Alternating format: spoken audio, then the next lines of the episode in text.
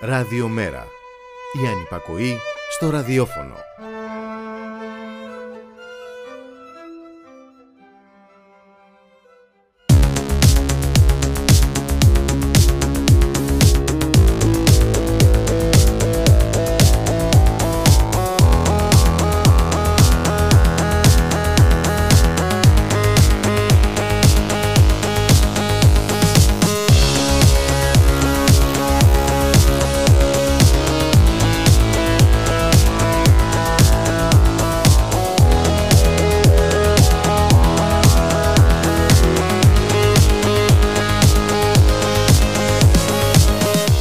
Γεια σας.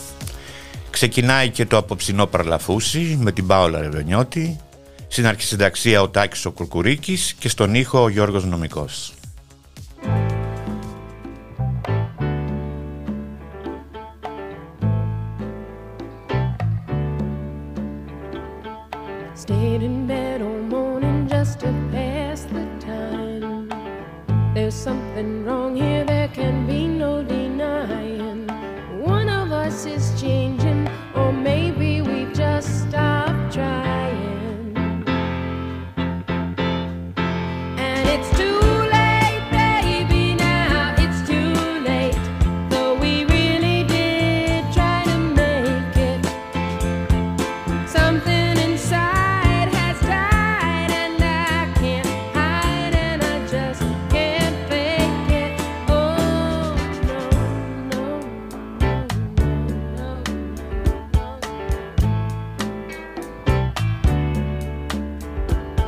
It used to be so easy living here.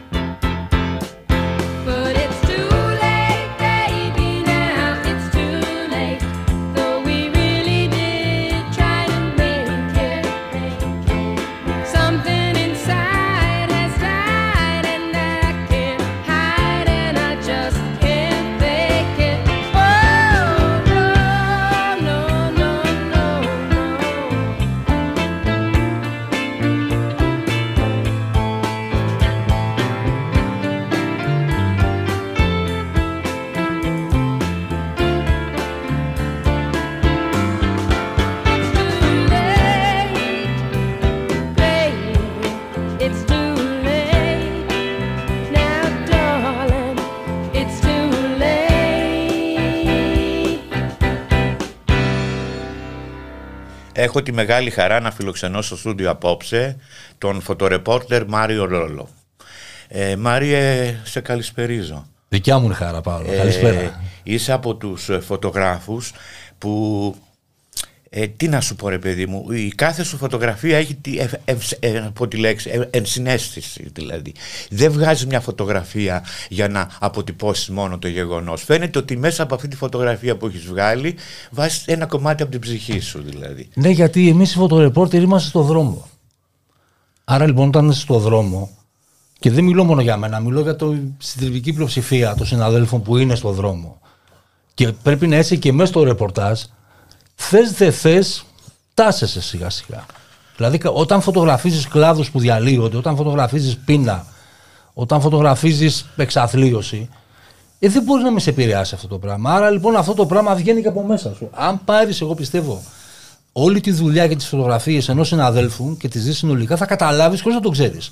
Τι είναι αυτός ο άνθρωπος. Αυτή είναι η επιτυχία σου νομίζω. Ντρέπομαι στο επιτυχία δικιά μου. είναι, επιτυχία το, ναι, είναι επιτυχία των συναδέλφων και είναι και επιτυχία που εγώ είμαι περήφανος για αυτή τη δουλειά. Γιατί πλέον ο, ο κόσμος, οι κοινωνικές τάξεις, ο αντεξωτικός χώρος καταλαβαίνω ότι εμείς δεν ανήκουμε σε αυτή τη μερίδα Ρουφιάνη, αυτό το σύνθημα το γνωστό Αλίτες Ρουφιάνη. Και τα Είμαστε, ναι, είμαστε φωτορεπόρτερ και τους φωτορεπόρτερ μας, μας θέλουν δίπλα τους. Και είναι και μια τρομερά δύσκολη δουλειά. Είναι δύσκολη Γιατί παρόλο που και εγώ έχω λίγο το ψώνιο της φωτογραφίας δεν μπορώ να συγκριθώ μαζί σου σε τίποτε, είχα βρεθεί στη σκάλα καμιάς ε, ε, κάποια ναι. εποχή που ερχόντουσαν οι βάρκες και τρόμαξα το, το, το πόσο τρομερά δύσκολο είναι να φωτογραφίσεις εκείνη τη στιγμή αυτά που γίνονται μπροστά σου. Είναι δύσκολο να τα φωτογραφίσεις. Με την πείρα, μάλλον να το πιάσουμε από την αρχή, η φωτογραφική μηχανή στα χέρια μας δημιουργεί όταν είναι σε μια δύσκολη κατάσταση ένα γυαλί. Που σημαίνει ότι εγώ αυτή τη στιγμή πρέπει να δουλέψω. Έχω μπει μέσα στο θέμα, με έχει πάρει το ρεπορτάζ, αυτή η κατάσταση, όποια δεν είναι αυτή, αλλά από την άλλη έχεις και μια λογική ότι προσπαθείς να βρεις τι θες να φωτογραφίσεις και να το φωτογραφίσεις.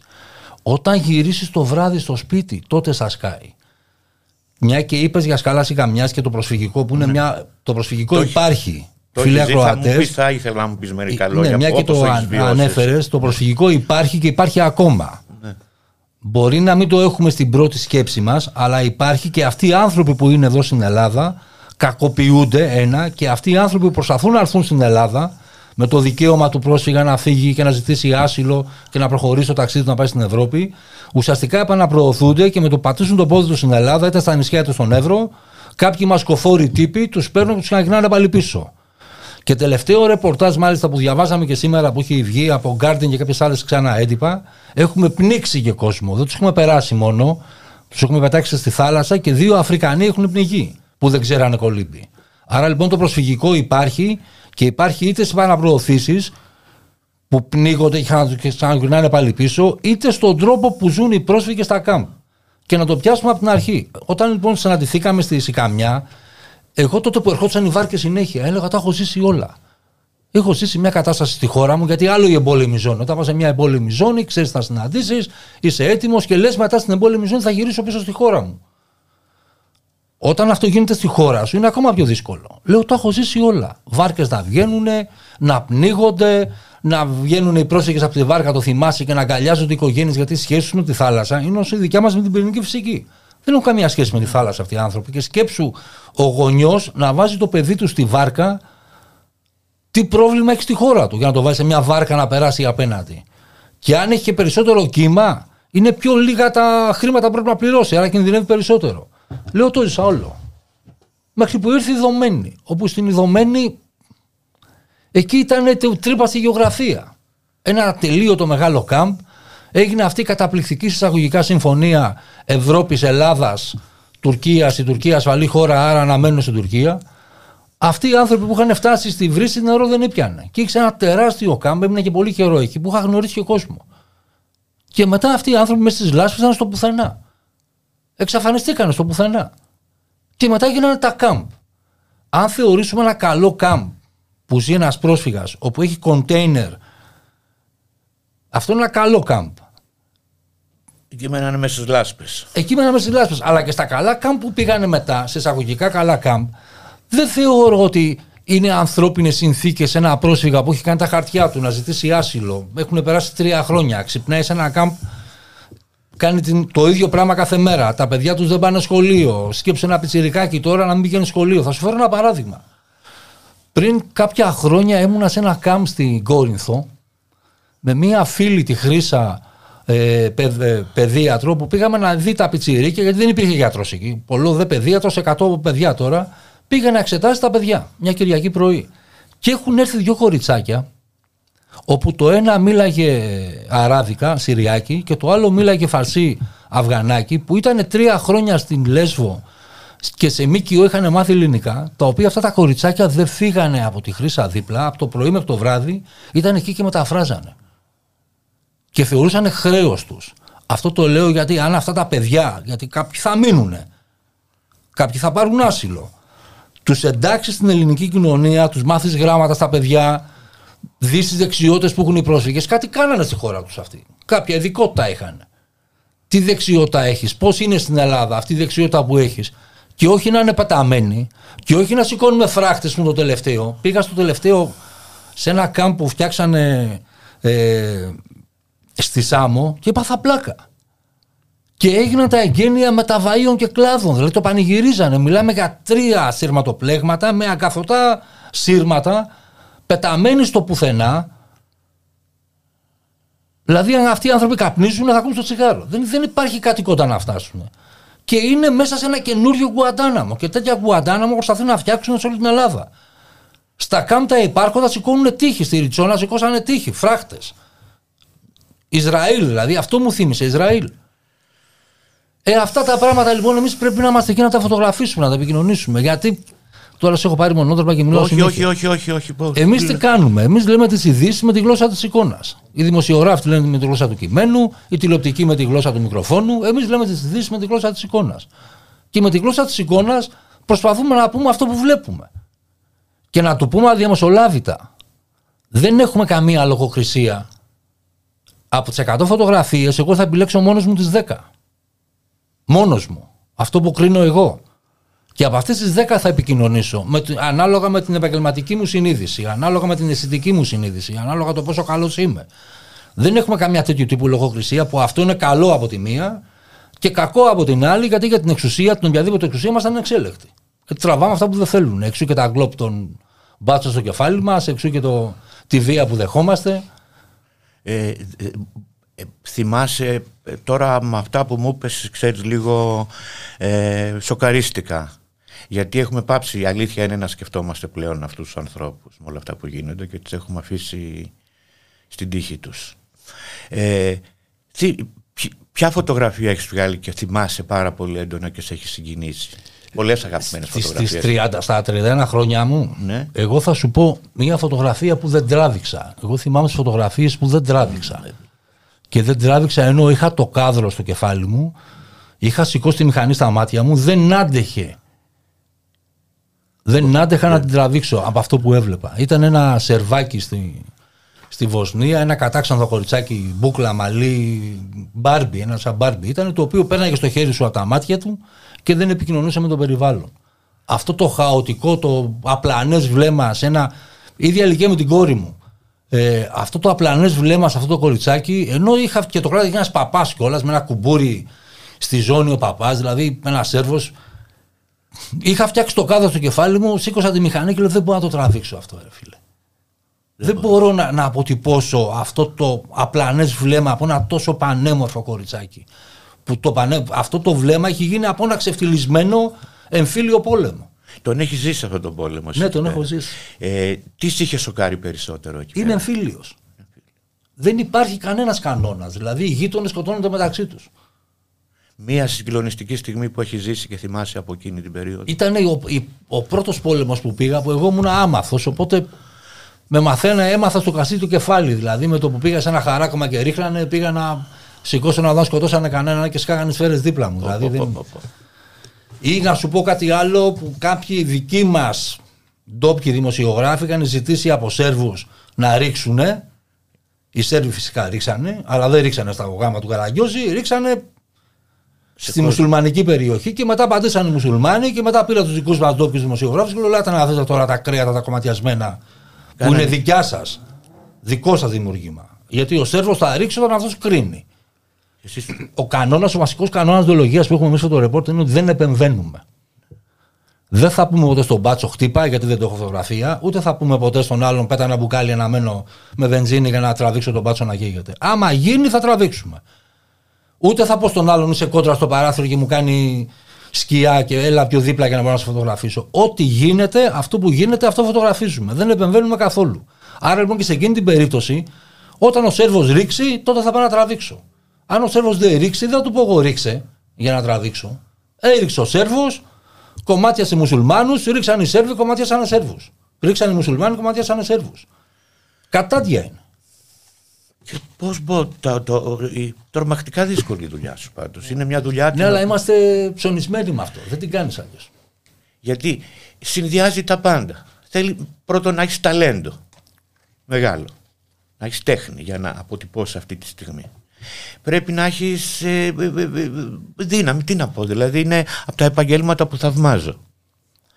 Το θέμα είναι. Και δεν είναι και επάγγελμα κιόλας. Δεν μπορώ να το πω επάγγελμα. Είναι ένα πράγμα Εμείς είμαστε χρησιμοποιοί τώρα μεταξύ μας το λέω και να το ναι. ακούσουν για ακροατές. Είναι μια πιασάρικη φράση που χρησιμοποιώ, αλλά αυτή είναι η πραγματικότητα όμως, αλλά είναι πιασάρικη. Εμείς είμαστε τα μάτια σας. Όταν οι μπάτσοι χτυπάνε εμάς, οι φασίστες χτυπάνε εμάς, ουσιαστικά χτυπάνε τα μάτια σας. Γιατί εγώ, από μένα, από τη δικιά μου φωτογραφία ή τι φωτογραφίες των συναδέλφων, εσύ που ζεις στη Θράκη, εσύ που ζεις στη Γερμανία, εσύ που ζεις στην Αυστραλία ή στην Αμερική, θα ενημερωθείς στο διάλογο γίνεται εδώ από τη δικιά μου φωτογραφία που τηρώ κανόνα δολογία, πούμε, επαγγελματίας, που υπογράφω με το όνομά μου, που αυτό σημαίνει. Έχω και τις συνέπειες που έπονται στο ότι υπογράφω με το, με το όνομά μου. Κανόνας βασικός διοντολογία δεν φωτογραφίζουμε κάποιον που δεν θέλει. Δηλαδή, αν έρθει κάποιος σε μας πει, παιδιά, εγώ δεν θέλω να με φωτογραφίσεις, δεν θα το φωτογραφίσουμε. Δεν υπάρχει λόγος. Πόσες φορές έχεις κινδυνεύσει από διαδηλώσεις εδώ στην Αθήνα, έχεις φάει και πολύ ξύλο. Έχω φάει ξύλο και έχω φάει, έχω κινδυνεύσει. Δηλαδή, σκεφτόμουν δεν είναι ξεφτύλα, δεν σκοτώθηκα σε πολέμους που έχω πάει ναι. και πήγα να με σκοτώσει ένας μπάτσος ναι. εδώ το 12 που μου ρίξε με τον κλόπ ανάποδα στο κεφάλι και έσπασε το ουρανίο με 1,5 εκατοστό μέσα και εγχείρηση, δύο πλάκες τετάνε μετά στο κεφάλι μου. Βρέθηκε αυτός ποτέ; Ναι, είναι, έγινε ΕΔΕ. Και ο Μανώλης ο Κυπρέος, ένας συνάδελφος φίλος, όπου έχει χάσει την ακοή του από κρότου λάμψης που του έχουν ρίξει στο Α, την ΕΔΕ τη βαφτίζει εμείς δεν ευθυνόμαστε. Έχει έναρκη διοικητική εξέταση, εμείς δεν ευθυνόμαστε. Έγινε δε λοιπόν και δεν βρέθηκε και διάβασε και τη δικογραφία κιόλας και.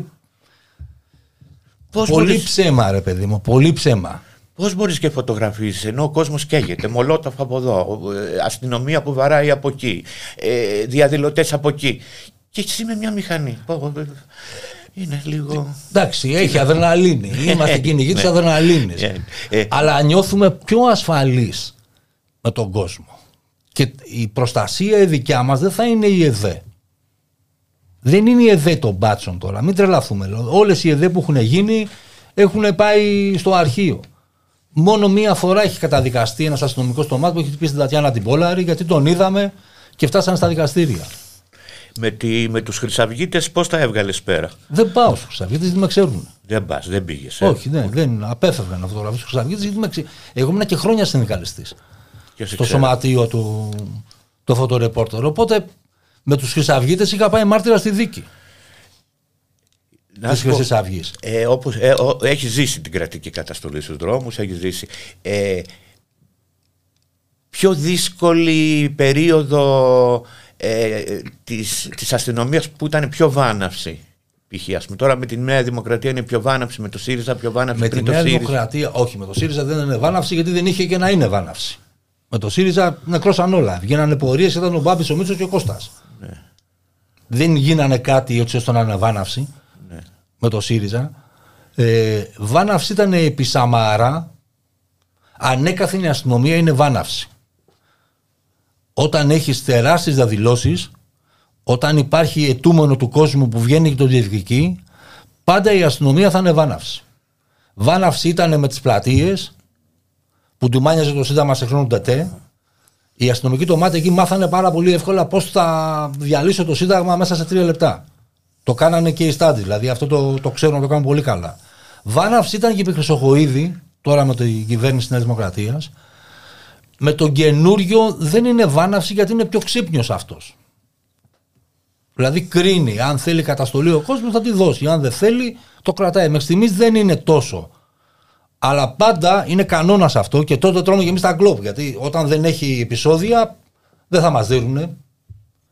Όταν έχει επεισόδια όμως, μετά όταν τελειώσει τα επεισόδια θα δίνουν και εμά. Εμείς μας έχουν πάντα μας χτυπάνε όταν δεν έχει επεισόδια. Είχε πριν επεισόδια, ποτέ δεν έχουμε φάει κλοπιά. Και πάντα το ξύλο, όχι μόνο εγώ και όλοι οι άλλοι συνάδελφοι, το τρώμε όταν δεν έχει επεισόδια. Είναι με μαθηματική ακρίβεια 9%. Όταν λοιπόν βγει μαζικά ο κόσμος και διεκδικήσει, τότε σαφέστατα και η αστυνομία θα είναι ευάναυση. Να ακούσουμε ένα τραγουδάκι.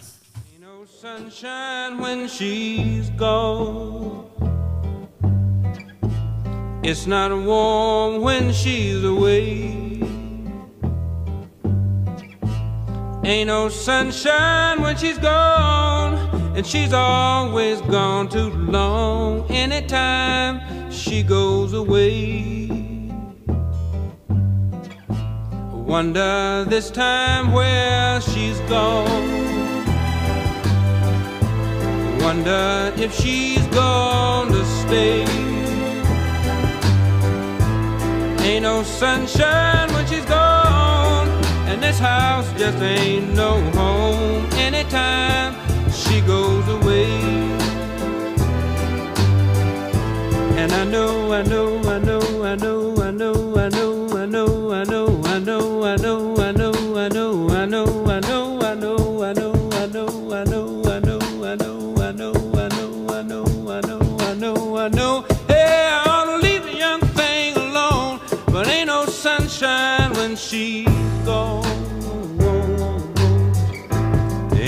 sunshine when she's gone. Only darkness every day. Ain't no sunshine when she's gone. And this house just ain't no home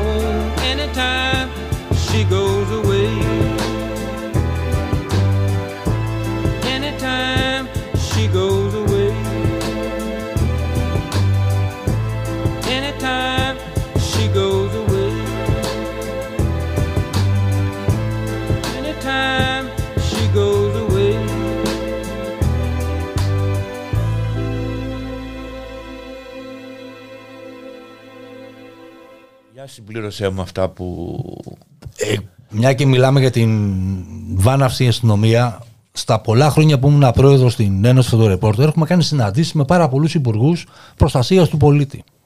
Θυμάμαι λοιπόν μια συνάντηση ε, με ένα υπουργό του Πασόκ επί Γεωργίου Παπανδρέου, που του είχαμε κάνει και μπάρκο κιόλας και μας φώναξε λαχανιασμένος να συναντηθούμε, ενώ οι άλλοι υπουργοί δεν μας συναντάγανε σχεδόν ποτέ. Εν πάση περιπτώσει, κράτησα δύο πράγματα εγώ από αυτή τη συνάντηση.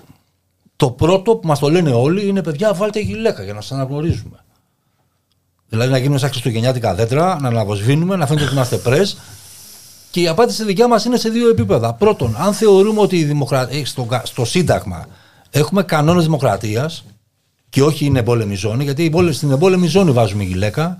Αν έχουμε κανόνες δημοκρατίας, δεν θα βάλουμε γυλαίκα. Και δεύτερον, θες εσύ να βάλουμε γυλαίκα τώρα, γιατί πάλι θα μας αναδείρει. Και αν εμένα μου υπογράψει μια κόλλα Α4 που λες ότι από τη στιγμή που φωτορεπόρτερ βάζοντας γυλαίκα, πρε, εγώ, υπουργός προστασίας του πολίτη, υπογράφω ότι δεν θα τους είχαν χτυπήσει τον αστυνομική το μάτι να τα βάλουμε. Αλλά δεν μου το υπογράψεις ποτέ.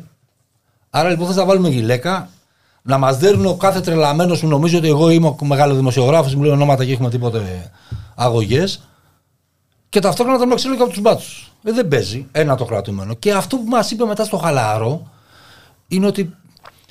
Παιδιά, τώρα εγώ θα σας πω την αλήθεια. Τώρα τι πιστεύω εγώ. Οι αστυνομικοί το ΜΑΤ, τις φωτογραφικές των μηχανές, τις βλέπουν σαν ενδυνάμει φωνικά όπλα. Απειλούνται. Δηλαδή, ο Ματατζής, το λέει υπουργός προστασίας του πολίτη αυτό, ε. Ο Ματατζής, τη φωτογραφική μηχανή, τη βλέπει, λες είναι Καλάσνικοφ.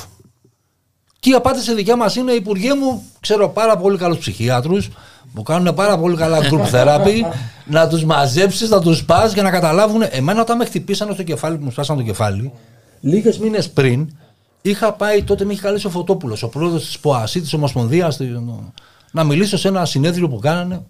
Και πήγα λοιπόν και τους εξήγησα, παιδιά, δεν έχω πρόβλημα εμείς μαζί σας.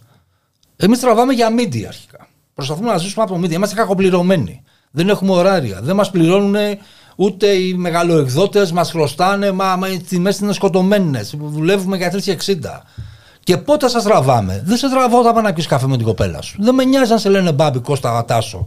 Ούτε το πρόσωπό σου. Σε τραβάω όταν βάλεις το κράνος, βάλεις τη μάσκα και κάτι κάνεις. Δεν σας τραβάμε όταν καίγεστε. Τρώω το μολότο και ήθελα να μπαδιάσει. Που είναι και φανταζή εικόνα και όλα και χρώμα και. Δεν έχετε πρόβλημα αυτές τις φωτογραφίες. Όταν δέρνεις όμως και όταν έχει ξεπεράσει τους κανόνες εμπλοκής, πάλι σε φωτογραφίζω. Ε, τα είπα λοιπόν αυτά και μετά από δύο-τρεις μήνες μου άνοιξαν το κεφάλι. Δηλαδή σας βλέπουν οι αστυνομικοί και τρέχουν. Σαν ενδυνάμει φωνικά όπλα. Ναι, ναι. Γιατί απειλούνται. Γι' αυτό πάντα μας τυπάνε όταν δεν έχει επεισόδια. Πόσα χρόνια δουλεύεις, 31 χρόνια. 31 χρόνια, ε. Ναι. Σε ξέρω από πόσα χρόνια σε ξέρω. Σε ξέρω εγώ σε έχω γνωρίσει αρχές 80. Το, πω, πω. Ήμουνα σε αναρχική... περασμένο αιώνα δηλαδή. Ήμουνα σε αναρχική ομάδα στο Μαρούς και κατεβαίναμε στα εξάρχεια σε διάφορες συλλογικότητες. Και ήταν και. Α, ήρθε η Πάολα, κράξιμο και τέτοια. Που τότε ήσουν η μόνη που το πάλευες με όλο αυτό το. Τότε σε έχω γνωρίσει. Αρχές 80 με κάτι πορείες, Δανάτο και Μοίρα που μαζευόμαστε να ζητήσουμε, θα βγούμε από τη. Τις διαδηλώσεις τότε, στο ναι. χημείο το θυμάσαι; Το χημείο, ναι, ναι. Τον Κωνσταντινίδη, κάτι. Ε, Κωνσταντινίδη Γαρμπή, δύο πατέρες του αναρχικού χώρου. Το βιβλιοπωλείο του Γαρμπή ήταν ναι. σχολείο για ναι. ένα διάστημα. Μα ήταν το μοναδικό βιβλιοπωλείο που να πάμε να βρούμε βιβλία. Να διαβάσουμε πέντε πράγματα θεωρητικά. Ποιος είναι ο Μαλατέστα, ποιος είναι ο Κροπότκιν, ποιος είναι ο Μπακούνιν, τι λένε αυτοί. Τα διαβάζαμε αυτά. Ναι. Και μετά τσακωνόμαστε με το η γενιά του φύτεψε ένα κνήτη μπορεί. Αυτή η γενιά. Τον Άσιμο τον θυμάσαι. Ναι, ναι. Τον και Άσιμο και Καταρίνα. Και... Τα θυμάσαι όλα αυτά. Τώρα πας για κάποια στα εξάρχεια καθόλου. Στα εξάρχεια ζω. Στα εξάρχεια Βλέπεις... Και, είμαι, και μου αρέσει πάρα πολύ που ενώ κάνω αυτή τη δουλειά, ε, περπατάω στα εξάρχεια και δεν έχω κανένα με κανένα πρόβλημα. Στα εξάρχεια ζω. Και στα εξάρχεια ζω από επιλογή να ζω στα εξάρχεια. Τα εξάρχεια είναι καταπληκτικά σαν χώρος Άσχετα αν έχει τα χίλια μύρια προβλήματα, μου είναι τεράστια κουβέντα να συζητήσουμε τώρα για τα, ναι, ναι, τα εξάρχεια. Όχι, και για μένα ήταν μεγάλο σχολείο τα εξάρχεια εκείνη την εποχή. Αλλά είναι μια καταπληκτική περιοχή με τα πανεπιστήμια δίπλα, με δυναμικές, με συλλογικότητε, με, με, αυτό το πάζο από τις αφήσει. Δηλαδή έχει τρομερή τέτοιο να κάθεσαι περπατήσεις μια μέρα για να διαβάζεις τις αφήσει που έχουν κολλημένες. Είναι ένας κατα... υπέροχος χώρος για, για ζυμώσεις πολιτικές. Είναι. Και γι' αυτό τα εξάρχεια έχει φάει όλη αυτή την καταστολή και γι' αυτό τα εξάρχεια θέλει να κάνει ο άλλος μετρό. Να κάνει μετά τα διαμερίσματα. Έχουμε μετρό, ελάτε αγοράστε. Λες και έχει ανάγκη αυτή τη στιγμή πλατεία ή κάτι και των εξαρχείων. Εμείς θα έχουμε μετρό. Δεν μπορούμε να πάμε τα πόδια στην ομόνια. Ή θες να κάνεις μετρό, ρε φίλε, κάτω. Στο... Θα διαλύσεις την πλατεία. Θες να κάνεις μετρό κάτω, στο πεδίο του Άριος. Κάτω στην Τωσίτσα. Πάνω στην πλατεία. Να ακούσουμε άλλο ένα τραγουδάκι.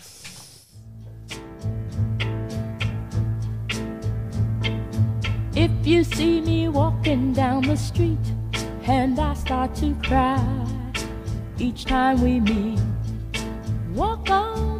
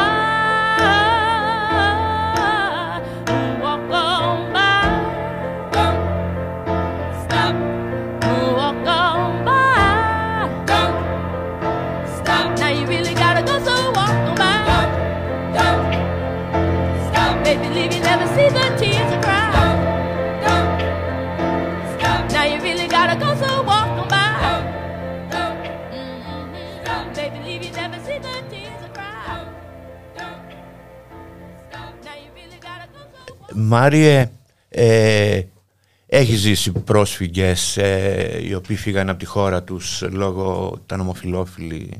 Ναι, ε, σαφέστατα. Η Σούμα. Η Σούμα έχει φύγει στην Ολλανδία τώρα. Ναι. Η οποία η Σούμα συμμετείχα σε μια συλλογικότητα τώρα τελευταία όχι τόσο πολύ, οι LGBT refugees. Όπου οι LGBT refugees έχουν ένα μεγαλύτερο πρόβλημα. Δηλαδή, αν η LGBT ελληνική κοινότητα έχει ένα πρόβλημα του να βγω out σε μια συντηρητική κοινωνία, να θυμηθούμε τα λεφτά της Καρπάθου, τον πατέρα. Απέστο γι' αυτό, ναι, είδες. Που εντάξει, δεν είναι παιδιά της αυτή κοινωνία, ξέρω εγώ. Και πέσαν τα σοκ μαζεμένα. Δηλαδή, η γιαγιά στα Lidl, ο πατέρας που αυτοκτόνησε με το παιδί, δηλαδή έλεος. Ναι, ναι. Σε τι ζώφο ζούμε, αλλά εν πάση περιπτώσει, αν η LGBT ελληνική κοινότητα έχει ένα πρόβλημα στο out, λόγω στην επαρχία στην Ελλάδα. Και... Σκέψου λοιπόν ένα πρόσφυγα ομοφιλόφιλο που αυτό ζει σε ένα κάμπ μαζί με τους συντοπίτες του, μαζί με τους ε, ομοεθνείς του. Σύριο ή Αφγανό. Αυτός αντιμετωπίζει πολλαπλάσια προβλήματα. Ναι, βέβαια, η οποία αυτή η LGBT κοινότητα refugees ζήταγε βοήθεια και χείρα βοηθείας από την ελληνική LGBT κοινότητα. Παιδιά, αλλά δεν βοηθήστε και εμάς. Έχουμε τεράστιο πρόβλημα. Θυμάμαι είχε μιλήσει ένα Σύριο σε ένα Pride που γινόταν με stage στο Σύνταγμα και είχε πει όλο το, όλο το πρόβλημα που είχε, έχει μείνει όλος ο κόσμος από κάτω άναυδος και το καπάκι ήταν έλα παιδιά ζούμπα τώρα και χορεύαν όλοι μετά ζούμπα. δεν είναι κακό να τους αγκαλιάσουμε. Ο, το αγόρι της Σούμα, Ιρακινός, είχε πρόβλημα στο να πάρει ε, άσυλο γιατί έπρεπε να αποδείξει ότι είναι γκέι. Και δεν έβγαινε, δεν ήταν μια αρρενωπή μορφή. Ε, πώς θα αποδείξει, ρε φίλε, ότι είναι γκέι τώρα ο άνθρωπος, δηλαδή, τώρα αυτός δηλαδή για να πάρει άσυλο. Και ο άνθρωπος ήταν ζευγάρι με τη Σούμα. Η Σούμα πήγε γιατί η Σούμα ήταν τρανς, πήγε στην Ολλανδία, αυτός ξόμεινε εδώ. Δεν με όλο αυτό το. Δεν μπορούσε να ακολουθήσει τη σύντροφό Δεν μπορούσε να ακολουθήσει τη σύντροφό του. Ε... Που γνωριστήκανε στη βάρκα. Αυτοί οι δύο άνθρωποι γνωριστήκαν στη βάρκα. Πολύ συγκινητική ιστορία αυτή. Μετά πήγαν Ειδομένη ήταν μαζί στην Ειδομένη σκηνή, μετά γύρισαν στην Αθήνα, είχαν βρει ένα σπίτι από μια ΜΚΟ και ζούσαν μαζί. Η Σούμα έφυγε, γιατί τι να πεις στη Σούμα τώρα, δεν θα σε ξαναγυρίσω στο... πίσω στη χώρα, σου φαινόταν, δηλαδή της δώσαν άσυλο. Ο άλλος ο θα να αποδείξει ότι είναι γκέι και δεν μπορείς να το αποδείξεις ότι είναι γκέι. Τι, δηλαδή, πώς θα το αποδείχνεις, στη χώρα μου ήμουν δηλωμένος out και να ορίστε τα παραστατικά, θα τον σφάζανε στη χώρα του. Είχες γνωρίσει και τη Δήμητρα. Ναι. Στη... Για πες μου για αυτή την ιστορία, δηλαδή. Μια καταπληκτική τύπησα. Ναι. Και μου έκανε και τρομερή εντύπωση πώς αυτή η μικροκοινωνία στη Καμιά την είχαν δεχτεί. Την είχαν, έχω κάνει και εγώ ένα ντοκιματέρ. Ναι, ναι, ναι, το ξέρω. Το, το, το, και με, με στενοχώρησε πάρα πάρα πολύ ο τρόπος που αυ, αυτός ο άνθρωπος, αυτό το πλάσμα έφυγε έτσι. Ναι, ήταν πολύ, ήταν πολύ έτσι, το τραυματικό και για μένα που έζησα αυτή την ιστορία ήταν, δεν ήταν πολύ άδικο. Έτσι όπως έφυγε ήταν πάρα πολύ άδικος. Πάρα πολύ άδικο αυτό το πράγμα. Είναι ιδανική η χώρα μας έτσι για να υποδέχεται και LGBT πρόσφυγες. το άλλο με το τοτό το ανέκδοτο να σου το πω. Είναι ιδανική η χώρα μας να δέχεται LGBT άτομα, Έλληνες να κάνουν out και να είναι χαλαροί να χαίρεται το γονιό ότι το παιδί μου θέλω να είναι καλά και με ενδιαφέρει τι κάνει. Είχα διαβάσει ένα σύνθημα που το θυμάμαι. Αγόρι μου δεν με νοιάζει αν είσαι γκέι, φασίστας μην είσαι. Εσύ έχεις ζήσει και πολλές ε, πορείες ΛΟΑΤ. Ε, έχεις την αίσθηση ότι τα καινούργια παιδιά, τα 20χρονα, τα queer τώρα είναι λίγο πιο. Ναι, είναι, το πιστεύω. Αυτό. Αλλά πιο είναι... Δηλαδή έπρεπε να, να γίνει η θυσία του Ζακ. Ναι. Για να μπει η αυτή η κοινότητα να πολιτικοποιηθεί πιο πολύ. Δεν γίνεται να είσαι τρανς και να είσαι φασίστας. Δεν γίνεται. Δεν γίνεται να μην έχεις ανοίξει το μυαλό σου σε μια πιο ανοιχτή πολιτική άποψη ότι εγώ αυτή τη στιγμή ποιοι είναι οι αλληλέγγυοι που μπορούν να με στηρίξουν, με ποιους εγώ μπορώ να κάνω παρέα, με ποιους μπορώ να διεκδικήσω. Είτε πάνω συγκεκριμένα προβλήματα που διεκδικείς και είναι αυτονόητα, το, η γάμη, το παιδί, το σύμφωνο, το οτιδήποτε, αυτά τα αυτονόητα ζητήματα που διεκδικούν, που συμφωνώ απόλυτα. Αυτά λοιπόν τα διεκδικήσει από μια κοινωνία που είναι συντηρητική, που είναι νεοφιλελεύθερη, που πιστεύουν ότι δεν πρέπει να κάνει έκτρωση η γυναίκα γιατί κάνει δολοφονία. Και αυτό που μας νοιάζει είναι να μην δολοφονεί το παιδί στην κοιλιά της γυναίκας, αλλά όταν βγει μετά από την κοιλιά της γυναίκας δεν πάει να. Μην την πω τη λέξη τώρα γιατί σέβομαι τους ακροατές. Είμαστε στην εποχή του κορονοϊού. Σαν ρεπόρτερ, πώς Ναι, την σαν ρεπόρτερ εμείς το, το βλέπουμε προβληματικό. Δηλαδή γίνεται, έχει φρικάρει ο κόσμος. Για πες μου. Αυτό το εμβολιασμένοι, μη εμβολιασμένοι. Εγώ αρχικά το έχω περάσει. Ναι. Για πες μου την εμπειρία Και σου, πώς το έχω πέρασες. περάσει δύσκολα με 10 μέρες στον Ευαγγελισμό και 3 στην Παμακάριστο. Δηλαδή, παίρναγε τα δικαία μπροστά μου στον Ευαγγελισμό. Ήμουνα σε κλινική COVID. Που έτσι και μπεις μέσα. Ε, τις νοσοκόμες και τους γιατρούς, άμα τους δεις μετά στον δρόμο, δεν τους αναγνωρίζεις. Γιατί έτσι όπως μπαίνουν είναι τόσο ρόμπο κοπτημένοι που φάτσα δεν βλέπεις, μόνο μάτια βλέπεις. Τρομακτική εμπειρία. πρέπει Ήμουνα να- τυχερός γιατί οι γιατροί που ήρθαν να με κουράρουν καταφέρανε και βρήκανε τότε, το Μάρτι πέρσι, ε, ένα από τα 25 μηχανήματα high flow που είναι το οξυγόνο, αυτό το μηχάνημα σου στέλνει στα πνευμόνια σου turbo οξυγόνο που αν δεν την παλέψεις και με αυτό δεν ανέβει το οξυγόνο σου, ε, τότε πας εντατική. Εν τω μεταξύ το τραγελαφικό ήταν ότι την εντατική του Ευαγγελισμού COVID την είχα φωτογραφίσει. Δηλαδή ήξερα που θα πήγαινα. Είχα εικόνα ότι τώρα εγώ άμα δεν αντέχουν τα πνευμόνια. Γιατί δεν αντέχα τα πνευμόνια μου. Είχαν καταρρεύσει. Αν πήγαινα στην εντατική θα πήγαινα σε. Δηλαδή ήξερα από οι γιατροί μέσα από τα τζάμια που κολλάνε αυτοκόλλητα, φέρνω το τάδε φάρμακο που είναι ντυμένοι ρόβο και ένα αγώνα τεράστιο. Ήξερα που θα πήγαινα. Ευτυχώς λοιπόν βρέθηκε αυτό το μηχάνημα και ευτυχώς τα πνευμόνια μου με αυτό το μηχάνημα το high flow αντέξανε και μετά από το 100% πήγε στο 80%, πήγε στο. και μετά βάλα μάσκα οξυγόνου και έτσι γλίτω. Εκεί μέσα 10 μέρες ήταν. Βλέπεις αυτή τη μάχη που δίνουν αυτοί οι υγειονομικοί με μηδέν συνθήκες. Για μίλησέ μας για λίγο για το σύστημα υγείας. Το δημόσιο σύστημα υγείας είναι αυτό που θα μας γλιτώσει. Και αυτό που μας γλιτώνει πάντα. Πάντα. Ο αγώνας που έκαναν από το γιατρό, από την νοσοκόμα, από τον νοσηλευτή, από την τραπεζοκόμα, από την καθαρίστρια, από, από, από ο τρόπος που συμπεριφερθόταν. Χρησιμοποιούσαν μια λέξη που μου έκανε τρομερή εντύπωση. Ε, ο τρόπος επικοινωνίας ήταν ένα τηλέφωνο, σταθερό. Όταν λοιπόν σου έπαιρνε τηλέφωνο για κάτι τους ήθελες, σου λέγανε ναι, περιμένετε θα μπούμε. Όχι θα περάσουμε. Όχι θα επισκεφτούμε. Θα μπούμε. Το λέξη θα μπούμε είναι μια βαριά λέξη που λες θα μπω κάπου που κάτι έχει. Που δεν είναι μια νορμάλ συνθήκη. Δεν είναι στο οφθαλμολογικό, στο καθολογικό. Που σου λένε, ναι, θα σας επισκεφτούμε λίγο, περιμένετε. Περιμένετε λίγο, θα μπούμε. Εμένα μου θύμισε τη λέξη θα μπούμε όταν έχει μπάχαλα στα εξάρχεια, που είμαστε περιφερειακά. Έλα τώρα πάμε να μπούμε στην πλατεία. Αυτή τη λέξη πάμε να μπούμε στην πλατεία. Που έχει. Θα μπούμε. Ένα άλλο περιστατικό είναι ένας παππούς λοιπόν, ξέρω τι κάνει αυτός, ο οποίος αυτός τα πέταγε όλα του. Βάλανε οξυγόνα, τα πέταγε, τα πέταγε και κάποια στιγμή άρχισε και. Πήραμε τηλέφωνο τους γιατρούς, παιδιά, ο παππούς τώρα είναι έτοιμος να φύγει για ταξίδια άλλα. Έρχονται οι γιατροί λοιπόν και το διασωληνώνουν μπροστά μου. Βραδιάτικο, τρεις ώρα το βράδυ, έβλεπα να διασωληνώνουν ένα παππού και σκεφτόμουν το ανέκδοτο και εμείς δεν πάθαμε τίποτα, δεν ξέρω να το πω καλά. Και έλεγα, εντάξει, ρε μαλάκα, τα πνευμονάκια σου εσένα θα την παλέψουν. Ε, τώρα δεν είναι στον παππού. Το να βλέπεις να διασωληνώνουν ένα παππού μπροστά σου και να του βάζουν τραχιστομίε, δεν ξέρω αυτά το τέτοιο οξυγόνα, να είναι 5-6 νοματέοι ντυμένοι ρόγο, να συζητάνε δύο γιατροί, νομίζω ότι κάνουμε καλά, δεν κάνουμε καλά. Ο παππούς έμεινε στην κλινική μία μέρα.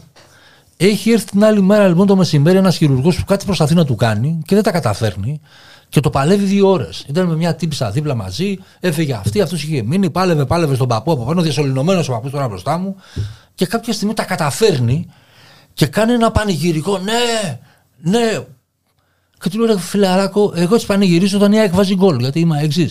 Όταν η ΑΕΚ βάλει το τόπι στο πλεχτό, πετάγαμε, ναι, να το καρφώσαμε. Μου λέει τον παπουλάκο τώρα, θεωρείτε ότι είναι πολύ σημαντικό να κάτσει από πάνω, να παιδεύεται δύο ώρες, να καταφέρει αυτό με τη συνθήκη διασωληνωμένος, όχι σε εντατική, διασωληνωμένος σε, σε θάλαμο. Είναι ωραίο να τα ακούμε όλα αυτά και να λέ- λέμε ότι. Και είναι ωραίο να πάρει και κανένα γιατρό. Ναι. Και είναι ωραίο να πάρει και κανένα νοσοκόμα. Και είναι ωραίο να το εξεπλήσει λίγο. Και είναι ωραίο να φτιάξει το πρωτοβάθμιο σύστημα υγείας. Γιατί πρέπει να τρέχουμε όλοι στα νοσοκομεία και να μην υπάρχει ο γιατρός της γειτονιάς; Που αυτό θα κρίνει αν εσύ πρέπει να πας στο νοσοκομείο ή όχι. Και πάμε όλοι στα νοσοκομεία. Γιατί αν εσύ έχεις καρκίνο, έχεις οτιδήποτε σε αυτή τη φάση COVID, αντίο ζωή. Γιατί έχει πέσει όλο το πράγμα στο COVID. Γιατί προσλαμβάνουμε και άλλους 800 μπάτσους, τώρα βγήκε καινούργια τέτοια, άλλοι 800 μπάτσοι. Κριτήρια για να γίνει προσωπικό. Έλεος δηλαδή. Πάρτε γιατρούς. Πάρτε πυροσβέστας. Δηλαδή ήμουνα το καλοκαίρι, είχα πάρει άδεια τον Ιούλη και λέω εντάξει, φίλε, τον Αύγουστο δεν έχει νέα. Χαλαρώσαμε. Και τον Αύγουστο τρέχαμε από φωτιά σε φωτιά και είχαμε πάθει πλάκα. Και το μόνο που ακούγαμε είναι κενώστε. Δεν ακούγαμε κάτι άλλο. Βλέπαμε κάτι τύπους από την πολιτική προστασία, κάτι τζιπάκια. Ροβολάχανε πάνω κάτω αυτοί. Έτσι. Δεν, δεν, δεν καταλαβαίνω τι κάνανε. Πυροσβέστες πολύ λίγους. Εναέρια στην, ε, στην έδεια κανένα. Και κενώστε, κενώστε. Δηλαδή στη λογική, μη μου κάσει κανένα μάτι, τη φωτιά πότε τη θυμάται ο κόσμος, άμα έχει νεκρούς, καμένος. Άμα δεν έχει καμένος, δεν τη θυμάται κανένας. Αυτή ήταν η λογική. Και ενώ πάνε να καούν όλα αυτά στη θάλασσα, η φωτιά στη θάλασσα. Εντάξει, πάρε πυροσβέστες, ρε φίλε. Δεν γίνεται να τους δίνουν του πυροσβέστες, του εποχικούς, αυτοί που σου σβήναν τις φωτιές ένα μήνα αργότερα στην κυφυσία να του μανιάζεις. Δεν γίνεται. Νέα Δημοκρατία. Πόσους ψηφίσαν. Δεν ξέρω εγώ τι είναι.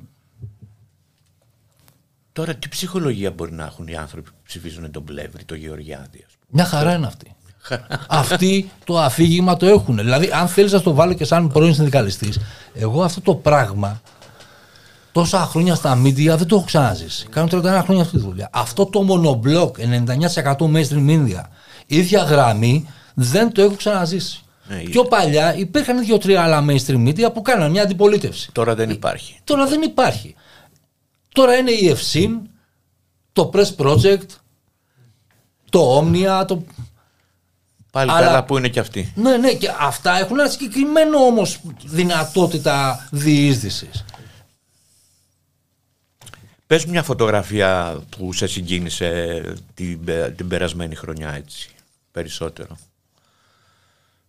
Με πιάνεις απροετοίμαστο έγινε μια διάσημη μια φωτογραφία με τη γιαγιά που και εγώ ήταν το σπίτι. Α, τη λες, όχι δικιά μου, τη ναι, ναι γιαγιά. Ναι, ναι, ναι, ναι, Ήταν συγκλονιστική αυτή η φωτογραφία. Είναι το, επειδή είμαστε μια μικρή οικογένεια, ξέρουμε ένα τον άλλον δηλαδή. Πήρα τηλέφωνο του Τσακαλίδη και του λέω: Σήκω, αυτός είναι από Θεσσαλονίκη. Σήκω, φύγε μαλάκα πήγαινε στη Θεσσαλονίκη. Ήρθες τώρα εδώ, μας πήρες όλα τα λεφτά. Δηλαδή έκανες την εικονάρα, τι πήγαμε, εμείς δεν πήγαμε, τσάμπα πήγαμε. Έχεις, εσύ και έκανες την εικονάρα. Ε, Έχεις ζηλέψει σε εισαγωγικά ναι, ναι, ναι, ζηλέψει ναι, ναι, φωτογραφίες και το λέμε. Και το λέμε. Ναι. Έχω και ζηλέψει, αλλά εμείς έχουμε το. Να σου πω γιατί, γιατί είμαστε στο δρόμο, ρε. Ναι, μωρέ. Και δεν θα γίνουμε ποτέ γνωστοί. Μας ξέρει η μάνα μας, η κοπέλα μας την τρέλα που κοβαλάμε και πέντε φίλοι. Άρα μεταξύ μας τα λέμε. Πω, πω μας πήρες όλα τα λεφτά και στην εικονάρα. Τι, εμείς πήγαμε τσάμπα πήγαμε. Άδικο όμως που δεν, είναι, που δεν είσαστε γνωστοί. Γιατί, Εντάξει, δε, ε, είμαστε πάντα πίσω από τις κάμερες. Ξέρεις γιατί είναι το άδικο, γιατί η, η ιστορική του μέλλοντος, αν θέλουν να χαρακτηρίσουν κάποια εποχή, να τη δούνε πώς είναι εποχή, με τις φωτογραφίες Α, τους. Συμφωνώ. Φωτογραφίες τις δικές Συμφωνώ. Σου, δηλαδή. Το ότι δεν είμαστε στη δίκη του Ζακ, για μένα είναι πλήγμα. Γιατί ο ιστορικός του μέλλοντος δεν θα έχει τις φωτογραφίες τις δικές μας να δει. Μάλλον και τις φωτογραφίες. Σεβόμενοι φυσικά ότι αν οι κατηγορούμενοι δεν θέλουν να φωτογραφηθούν, δεν θα τους φωτογραφίσουμε. Θα φωτογραφίσουμε ό,τι κάναμε στη δίκηση της Αυγής. Στη δίκηση της Αυγής υπάρχουν φωτογραφίες. Στη δίκηση, μια και την χρονιά που πέρασε. Θα σου πω μια συγκινητική. Είμαι, ήμουνα μέσα, επέλεξα να ήμουν μέσα. Και με το που λέει η πρόεδρος η Λεπενιώτη εγκληματική οργάνωση, ευτυχώς που οι φωτογραφικές μηχανές πλέον εστιάζουν καθαρίζουν, δηλαδή είναι θολές φωτογραφίες μόνες τους, πλέον αυτόματα. Γιατί και όλοι και οι συνάδελφοι τρίγυρο, όχι μόνο εγώ, κλαίγαμε με αυτό που. Γυρνάω και βλέπω ότι η Μάγδα που δεν το έχει συνειδητοποιήσει ακριβώς και της το λέει ο συγχωρεμένος, ο δικηγόρος, λέει εγκληματική οργάνωση και σηκώνει τα, τα χέρια. Είναι ο Πουλικόγιαννης από πίσω του Πάμε, αυτός που είχε φάει ξύλο, σηκώνει τα χέρια. Βγαίνουμε έξω, φωνάζει Μάγδα, γέ μου τους νίκησες. Και αυτή η χαρά κρατάει λίγα δευτερόλεπτα. Γιατί μετά ξεκινάνε τα μπαμ μπαμ μπαμ. Μου λέει Μάγδα τι είναι; Λέω μάλλον ρίχνουμε πυροτεχνήματα. Εμείς από τη χαρά πού να μου πάει το μυαλό; Και στο δεύτερο μπαμ μπαμ λέω Μάγδα έχει μπάχαλα. Και βγήκα έξω με τη μάσκα να πάω να φωτογραφίσω τα μπάχαλα. Άσε τον κόσμο να πανηγυρίσει. Ρε φίλε. Άσε τον κόσμο να πανηγυρίσει. Να ακούσουμε άλλο ένα τραγουδάκι.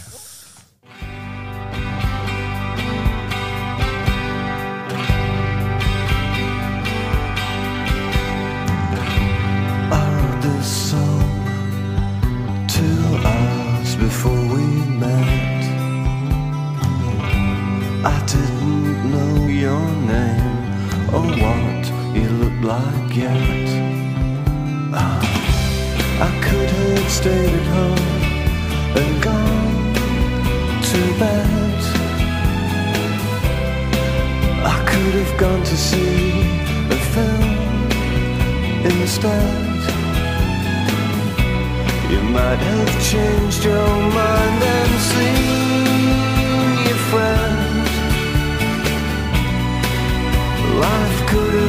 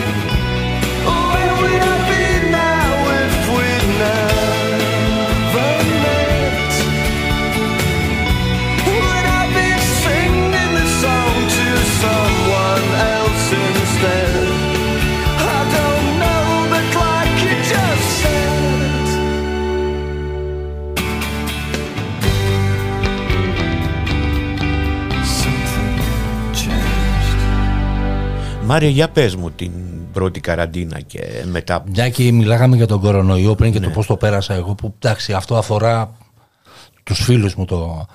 Ε, στην πρώτη καραντίνα λοιπόν επειδή είμα- έχουμε το πλεονέκτημα στις γενικά στις καραντίνες ότι εμείς με την άδεια μπορούμε να βγούμε να φωτογραφίσουμε άρα ήμασταν έξω. Στην πρώτη σφιχτή σφιχτή καραντίνα που αυτή ήταν η καραντίνα γιατί όλα τα άλλα είναι ημιτασιών οι ορατοί που βλέπαμε στην πόλη που κυκλοφορούσαν ήταν η αστυνομία και οι άστεγοι. Δηλαδή έπρεπε να γίνει καραντίνα, να σκάσει κορονοϊός, να γίνει χαμός για να δούμε ορατούς τους άστεγους. Και όταν αυτό πέρασε, οι άστεγοι ξαναγίναν πάλι αόρατοι. Και το συζητάγαμε αυτό γιατί στο διάλειμμα συζητάγαμε για τον Ιαννό που καταβρέχει η άλλη το, για να μην έχει άστεγους απ' έξω. Όπου οι άστεγοι είναι και αυτή ένα τεράστιο θέμα. Αυτοί που ζουν σε κατάσταση δρόμου είναι ένα τεράστιο θέμα και πώς η πολιτεία τους συμπεριφέρεται. Έχω ένα φίλο που μιλάμε που είναι κοντά στο σπίτι μου, άστεγος, που είναι από επιλογή άστεγος γιατί έχει σκυλάκι. Και δεν θέλει να αποχωρήσει το σκυλάκι του. Αυτός μπορεί να πάει εύκολα σε δομή του Δήμου. Σε αυτά τα ξενοδοχεία, που είναι τεράστια κουβέντα, αλλά εν Επειδή πάση έχει το περιπτώσει- σκυλάκι δεν τον αφήνουν. και επειδή έχει το σκυλάκι δεν τον αφήνουν να πάει και επιμένει να μένει σε ένα κατάσταση δρόμου με τα χίλια μέρια προβλήματα υγείας πλέον που έχει, έχει πνευμονία, έχει, έχει, έχει, για να μην αποχωρήσει το σκυλάκι. Η άστεγη είναι αυτό που. Ε, και το λέω αυτό που έχουμε συνηθίσει να βλέπουμε στο δρόμο και δεν μας κάνει εντύπωση. Παιδιά, μην συνηθίζουμε στην καφρίλα. Μην συνηθίζουμε σε αυτό που είναι σκληρό. Μην συνηθίζουμε στα νούμερα, αυτό που λέγαμε παλιά, τοξικομανή, θυμάστε πριν χρόνια που είχες σκάσει μια πρέζα που ήταν καθαρή και πεθαίνανε. Έχω τραβήξει, να μια φωτογραφία. Έχω τραβήξει τοξικό εξαρτημένο, πεθαμένο, όρθιο σε καρτοτηλέφωνο. Αυτός καταλάβαινε ότι πάθαινε overdose, πήγε σε ένα καρτοτηλέφωνο στην πλατεία Μάρτιν να πάρει τηλέφωνο και πάγωσε εκεί. Μην, δηλαδή τα νούμερα τα συνηθίζεις. Πίσω από κάθε νούμερο υπάρχει κάποιος. Υπάρχει κάποια ανθρώπινη ψυχή, υπάρχει ένα πλάσμα. Αυτοί λοιπόν τους άστεγους, μια και μιλάνε για άστεγοι, είναι στο δρόμο συνέχεια. Μην τους προσπερνάμε σαν μια καθημερινότητα, σαν μια εικόνα που την έχουμε συνηθίσει. Βλέπεις μια Αθήνα που δεν την παρατηρεί εύκολα ο κόσμος εσύ. Βλέπω μια Αθήνα που δεν την παρατηρεί ο κόσμος που έχει γίνει σκληρή. Έχει γίνει σκληρή. Είναι πιο, είναι πιο σκληρή η εποχή που ζούμε τώρα. Βρε Είναι Μάρια. σαφέστατα πιο Είναι. Και λίγο πιο αγριευτική νομίζω. Ναι, και εμείς ξεαυτώνουμε στα social. Κόνουμε τα μπιναλίκα μας στα social. Δηλαδή αυτό τώρα cancel Lidl. Cancel... Τι cancel Lidl; Δηλα- Δηλαδή, εγώ ξέρω τι θα ήθελα να μαζευτούν 50.000 κόσμος έξω από το Lidl να πούμε τι κάνετε καλά, καραγκιόζη με τη γιαγιάκα. Τι να- Έτσι θα την ακούσει. Cancel Lidl. Τώρα όλοι ξε- ξεαυτώνουμε, δεν λέω τη λέξη. Καλά είναι, μια χαρά τα social media είναι καταπληκτικός τρόπος επικοινωνίας και εγώ τα χρησιμοποιώ για τη δουλειά μου, να επικοινωνώ την πολιτική μου σκέψη. Αλλά δεν είναι μόνο αυτό. Δηλαδή, βλέπεις σε εκδήλωση θα πάνε 2.000 και μετά πας στην εκδήλωση και έχουν μαζευτεί 10. Εκτονώνονται Είναι μέσα πολύ από εύκολο το κουμπάκι να το πατήσεις και το like και να ξεαυτώσεις κιόλα βρίζοντα και. Μόνο με την αλληλεγγύη μεταξύ μας να συνεννοηθούμε. Εντάξει, έχουμε φάει ήττες. Φάγαμε ήττα τα 4,5 χρόνια. Και βλέπουμε και το ότι δεν ε, επικοινωνεί ο κόσμος α- αναμεταξύ του ρε παιδί μου. Ε, ε, Έβλεπες το βράδυ, κυκλοφορούσε ο κόσμος. Ε, υπήρχαν τα στέκια, υπήρχε η συγκρού, υπήρχαν οι πιάτσες, υπήρχαν τα μπάρ, υπήρχαν τα μαγαζιά. Υπήρχε μια μεγάλη κοινωνικοποίηση. Μπερδευόταν ο κόσμος αναμεταξύ του, γνώριζε ο ένας τον άλλον. Ε. Και τώρα υπάρχει σε άλλο επίπεδο. Για δηλαδή, πες μου. ε, στην Ασκληπιού, για παράδειγμα, και με στην καραντίνα αυτή τη συμμετασιό, μαζευόταν ένας κόσμος, καλός, κακός. Υπήρχε αυτό το. Και το θέμα δεν είναι να μαζευόμαστε απλά να πίνουμε μπύρες. Το θέμα είναι να ζυμωθούμε, το να καταλάβουμε ποιος είναι ο στόχος και τι διάλογο θέλουμε και πού θέλουμε να πάμε την κοινωνία. Και αυτό μπορεί να το κάνει ο καθένας με τον οποιοδήποτε τρόπο. Δηλαδή, θα σου φέρω ένα παράδειγμα. Είχα κάνει μια δουλειά και, είχα, και θα την τρέξουμε αυτή με προσφυγάκια. Την είχα ονομάσει παιδιά που είδαμε, παιδάκια. Και την είχα πάει στην Κέρκυρα. Και όταν μίλησα στην Κέρκυρα, λοιπόν, εγώ αυτό που τους είπα, γιατί στη Λέσβο έχω ζήσει στη Θερμή. Η Θερμή λοιπόν είναι ένα λιμάνι όπου είχε βγει μια βάρκα κυβέρνητη με πρόσφυγες. Είχαν σκάσει φασίστες από την Μόρια και ξεκινήσανε και την πέφτανε σε μια βάρκα κυβέρνητη τώρα. Δεν είχε μηχανή, που ήταν γεμάτο πρόσφυγες. Αφγανοί και ξεκινήσαν από πάνω οι Ελληνάρες και λέγανε Σήκω, φύγε, go, go back. Και λέει κάποιος έχει μια έγκυο γυναίκα, δεν τη γαμίσαμε εμείς και τέτοια. Τέτοια πράγματα λέγανε. Στην αρχή με σόκαρε γιατί όταν οι φασίστες έχουν δράσει, εμάς δεν μας φωνάζουν. ε. Γιατί μετά από 10 λεπτά με το που καταλάβανε ότι ήμασταν δίπλα τους, άρχισαν να μας κυνηγάγανε και γλιτώσαμε κατά λάθος. Δεν ήταν και Γερμανό, ε, συνάδελφο φωτορεπόρτερ. Ε, όταν οι φασίστες έχουν δράσεις, είτε μαχαιρώνουν, είτε κάνουν. Ε, δεν φωνάζουν φωτορεπόρτερ, είμαστε κόκκινο πανί για αυτούς. Και ήταν η πρώτη φορά, από τις λίγες φορές μάλλον που έβλεπα δράση φασίστικη. Και στην αρχή με σόκαρε αυτό. Και λέω τι έγινε, ρε φίλε. Δηλαδή, τι είναι αυτό, go back και δεν σε γαμίσαμε εμείς. Και... Τι, τι απάνθρωποι, δεν ανήκει στο ανθρώπινη λογική αυτό το πράγμα. Ούτε, ούτε καν στο ζωικό βασίλειο. Η δεύτερη σκέψη όταν έκατσε αυτή τη σκόνη μέσα μου, με σόκαρε ακόμα πιο πολύ, ήταν ότι η συντριπτική πλειοψηφία, γιατί αυτή ήταν μια ψη- μειοψηφία, η συντριπτική πλειοψηφία στο λιμάνι, που είχε μαζευτεί κόσμος, σιωπούσε απέναντι σε αυτό το φασίστικο. Και σιωπά, δηλαδή μου έχει τύχει και μένανε στο μετρό.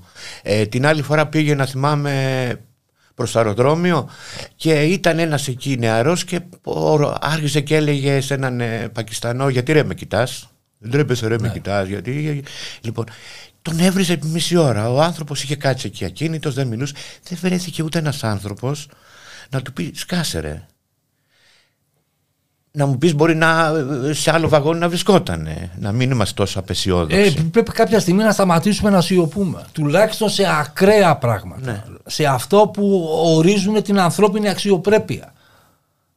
Πρέπει να σταματήσουμε να σιωπούμε. Και για να σταματήσουμε να σιωπούμε, δεν φτάνει να σταματήσω να σιωπώ εγώ σαν μονάδα.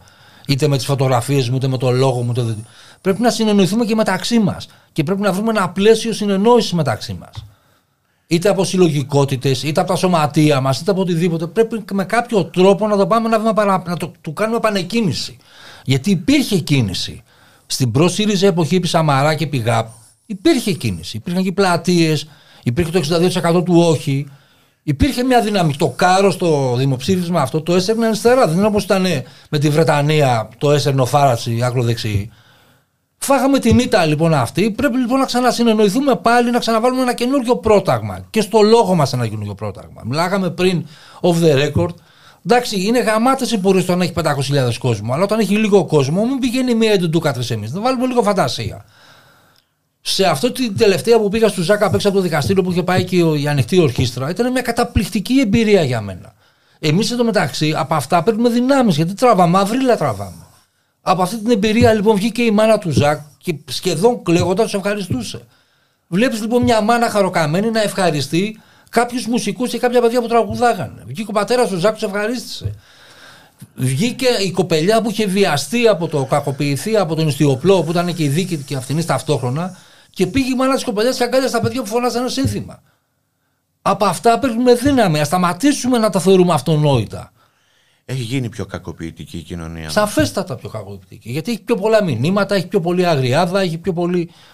Δεν έχει αυτή την αλληλεγγύη. Λείπει η αλληλεγγύη, λες δηλαδή. Εγώ τη λέω αλληλεγγύη. Άλλος μπορεί να την πει ανθρωπιά. Άλλος μπορεί να την πει. Βρείτε 15.000 λέξεις. Το ελληνικό λεξιλόγιο είναι πλούσιο. Πρέπει να το ξαναβρούμε αυτό. Και να το βάλουμε πάλι σε ένα πολιτικό πλαίσιο. Πού στο διάλογο ανήκουμε. Και τι ζητάμε τελικά. Δεν γίνεται ο άλλος να περνάει τρένο και εμείς να μιλάμε. Να ακούσουμε άλλο ένα τραγουδάκι.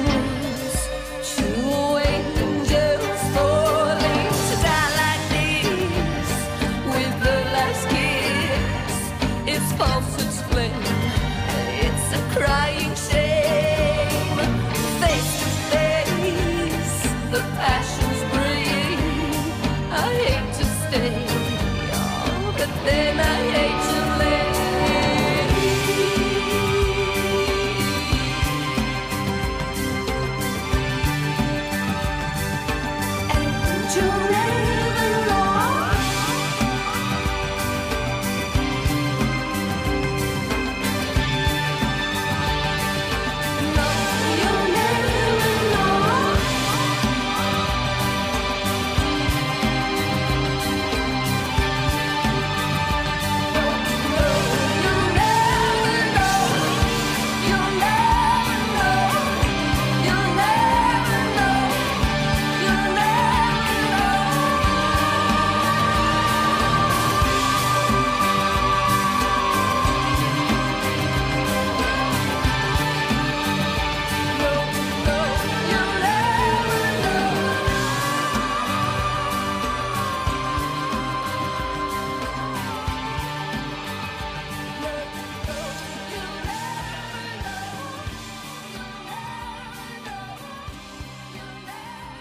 Μάριε, ε, για πες μου, βλέπεις ε, κάποια αισιοδοξία για το μέλλον; Εγώ με φύση και θέση αισιόδοξο.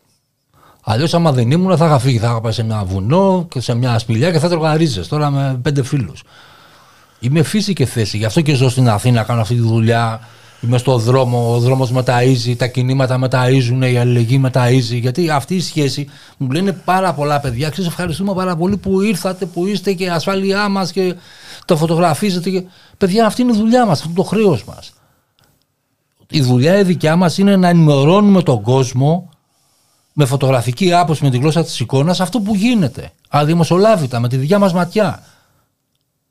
Εμείς λογοδοτούμε στην κοινωνία, δεν λογοδοτούμε στους εκδότες. Εμένα με νοιάζει το τι λέει η κοινωνία για το δικό μου κλάδο. Όχι τι λένε οι εργοδότες, οι εκδότες και το τι λέει ο χώρος στο μύτια. Και η κοινωνία είναι αυτή που θα μας προστατέψει. Η κοινωνία είναι αυτή που μας αγκαλιάζει και μας έχει αγκαλιάσει. Και είμαι περήφανος που μας έχει αγκαλιάσει. Η μεγαλύτερη ικανοποίηση ε, στη, στη δουλειά σου ποια είναι; Η μεγαλύτερη ικανοποίηση ήταν, αν θυμάσαι, στις αρχές του ε, 91 με την ιδιωτική τηλεόραση. Θυμάσαι Πολυτεχνείο τότε που νι- νοικιάζανε μπαλκόνια και βγάζανε ζωντανά και δείχνανε φάτσες. Ρουφιάνοι τελείως. Ε, ο χώρος αυτός μας έβαλε απέναντι. Το ότι σε αυτό το χώρο, όχι μόνο τον εξωστικό, αλλά και στους κλάδους μας έχει αγκαλιάσει, αυτή είναι η μεγαλύτερη μου ικανοποίηση. Δηλαδή να μου λένε ότι εσύ δεν ανήκεις σε αυτούς. Εσάς σας χρειαζόμαστε. Μάριε, ήταν πάρα πολύ έτσι. Ε, να πω τη λέξη ευχάριστη, όχι. Έμαθα πάρα πολλά πράγματα σήμερα από σέναν εδώ πέρα. Δικιά μου είναι τιμή. Που ήρθα. Ε, ήταν μεγάλη μου χαρά. Με έβαλες σε σκέψη πολλά πράγματα που είπες. Ε, σε ευχαριστώ πάρα πολύ. Κλείνοντας, μια και είπαμε και για LGBT, Ζακ, Παύλα Ζακ, αλλά και για πρόσφυγες, εμείς στο φωτορεπόρτερ τι ακούμε συνθήματα. Άρα να κλείσω λοιπόν, γιατί το κάνω επίτηδες αυτό, παιδιά, μεταξύ μας. Στο τέλος πρέπει να το χειροκρότημα με τα συνθήματα. Να κλείσουμε δύο συνθήματα. Λοιπόν, ένα προσφυγικό No Border Donation, Start Deportation. Σταματήστε επαναπροωθήσει, έλεος. Έλεος, κάντε ανθρώπινες συνθήκες σε αυτόν τον κόσμο που μένει εδώ. Και σε σχέση με το Ζακ, αυτό, αυτό είναι σωστό. Κλωσέ με δωδεκάποτα να βάλετε μυαλό. Καλό σας βράδυ. Να είστε καλά. Την επόμενη πέμπτη πάλι μαζί.